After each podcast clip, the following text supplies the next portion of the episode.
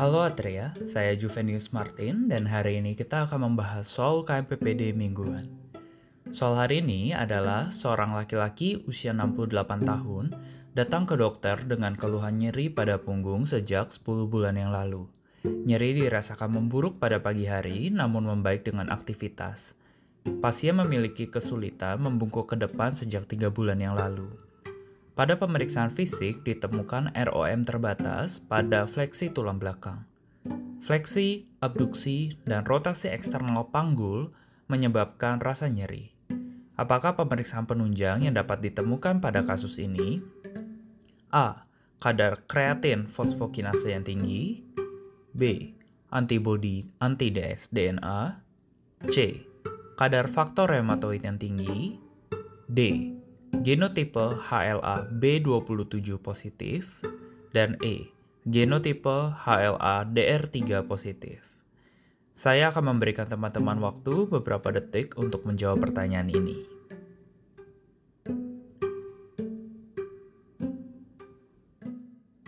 Jawaban yang tepat adalah D, genotipe HLA B27 positif.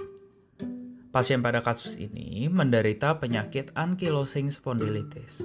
Penyakit ini merupakan penyakit inflamasi kronik yang menyerang sendi vertebra dan membuat tulang belakang menjadi kaku. Namun, penyakit ini juga dapat menyebabkan inflamasi pada tempat lain seperti pada mata dan tendon. Penyakit ankylosing spondylitis merupakan bagian dari payung besar penyakit yang disebut sebagai spondyloarthropati seronegatif. Spondyloarthropati adalah gabungan penyakit autoimun yang menyerang sendi, terutama di tulang belakang. Seronegativitas pada ankylosing spondylitis menunjukkan bahwa rheumatoid factor tidak ditemukan pada penyakit ini. Tulang vertebra manusia terbentuk dari 33 tulang, yaitu 7 tulang cervicalis, 12 tulang thoracalis, 5 tulang lumbalis, 5 tulang sakralis yang menyatu, dan 4 tulang coccygeus yang menyatu. Di antara setiap korpus vertebra terdapat diskus intervertebralis yang terbuat dari kolagen tipe 1 dan 2. Diskus ini terbuat dari dua komponen, yakni annulus fibrosus di luar dan nucleus pulposus pada sisi dalam yang memiliki konsistensi kenyal seperti jelly. Diskus ini membentuk hubungan antara masing-masing tulang vertebra dan berfungsi pula sebagai penahan getaran, seperti shock breaker pada ban mobil. Selain sendi yang terbentuk oleh diskus, tulang belakang memiliki satu jenis sendi lagi yang disebut sebagai facet joint. Sendi ini bersifat sinovial, di mana masing-masing sendi memiliki kapsul dan sedikit cairan sinovial di dalamnya.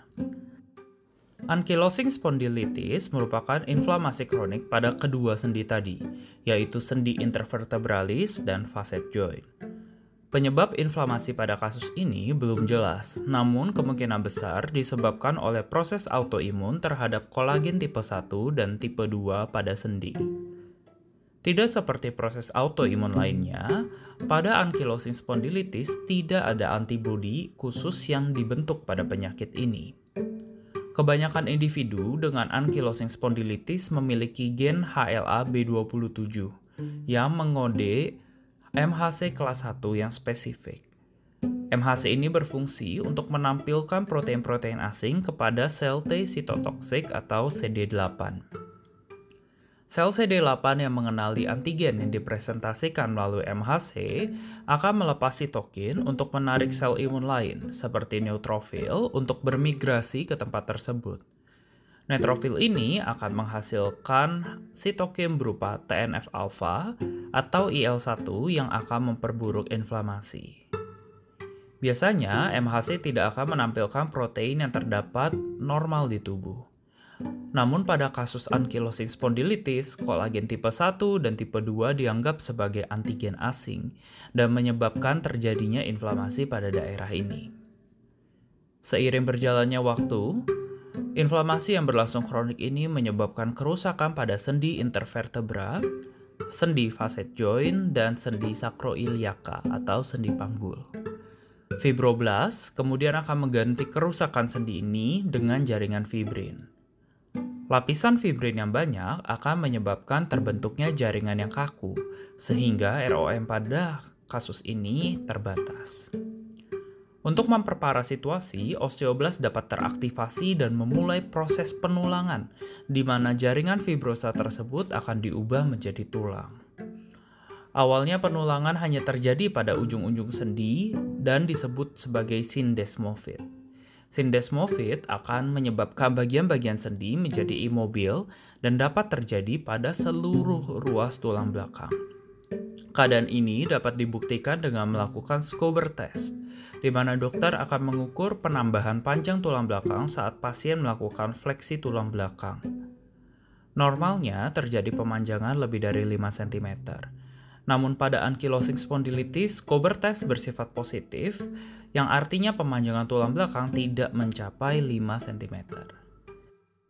Jaringan lain yang memiliki kolagen tipe 1 dan 2 juga dapat mengalami inflamasi sehingga dapat menyebabkan penyakit seperti uveitis anterior dan regurgitasi aorta akibat inflamasi pada katup aorta.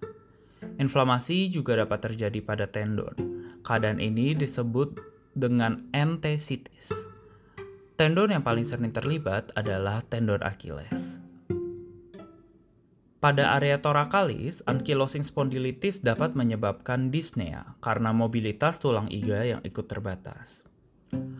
Pada pemeriksaan ronsen dan CT scan sering ditemukan gambaran bambu spine yang disebabkan oleh osifikasi annulus fibrosus pada vertebra, sehingga bagian tengah vertebra atau diskus intervertebralis terlihat kosong. Pemeriksaan genetik HLA-B27 dapat digunakan untuk mengonfirmasi diagnosis ini. Terapi utama pada penyakit ini adalah fisioterapi. NSAID merupakan agen farmakologis lini pertama untuk kasus ini. Pada kasus berat dapat dilakukan pembedahan. Mari kita lihat pilihan jawaban lainnya. A. Kadar kreatin fosfokinase yang tinggi. Kreatin fosfokinase meningkat pada saat terjadi kerusakan otot, misalnya pada kasus rhabdomyolysis. Kerusakan otot lumbal dapat menyebabkan nyeri punggung, namun biasanya bersifat akut dan tidak bersifat progresif. B. Antibodi anti-dsDNA. Antibodi ini ditemukan pada kasus SLA, SLA juga dapat menyebabkan gangguan sendi, namun pada kasus ini tidak ditemukan manifestasi SLA lainnya seperti malarash maupun fotosensitivitas. C. Kadar faktor reumatoid yang tinggi. Ankylosing spondylitis merupakan spondyloartropati yang seronegatif, sehingga justru tidak ditemukan faktor reumatoid pada kasus ini. E Genotipe HLA-DR3 positif. HLA-DR3 ditemukan pada beberapa penyakit autoimun, misalnya SLE. Namun, pada ankylosing spondylitis, 90 hingga 95% pasien memiliki HLA-B27 positif, sehingga penyakit ini lebih khas dengan HLA-B27. Untuk merangkum, Ankylosing spondylitis adalah sebuah proses autoimun yang berhubungan dengan gen HLA-B27. Penyakit ini menyerang sendi vertebra akibat autoimunitas terhadap kolagen. Kolagen yang rusak digantikan oleh fibrin dan osifikasi atau penulangan pun terjadi, sehingga dapat menyebabkan gambaran bambu spine pada ronsen maupun CT scan. Selain tulang belakang, penyakit ini juga dapat menyerang mata, katup aorta, serta tendon. Terima kasih telah bergabung bersama Atria Cash minggu ini. Kami tunggu teman-teman pada episode Atria Cash berikutnya.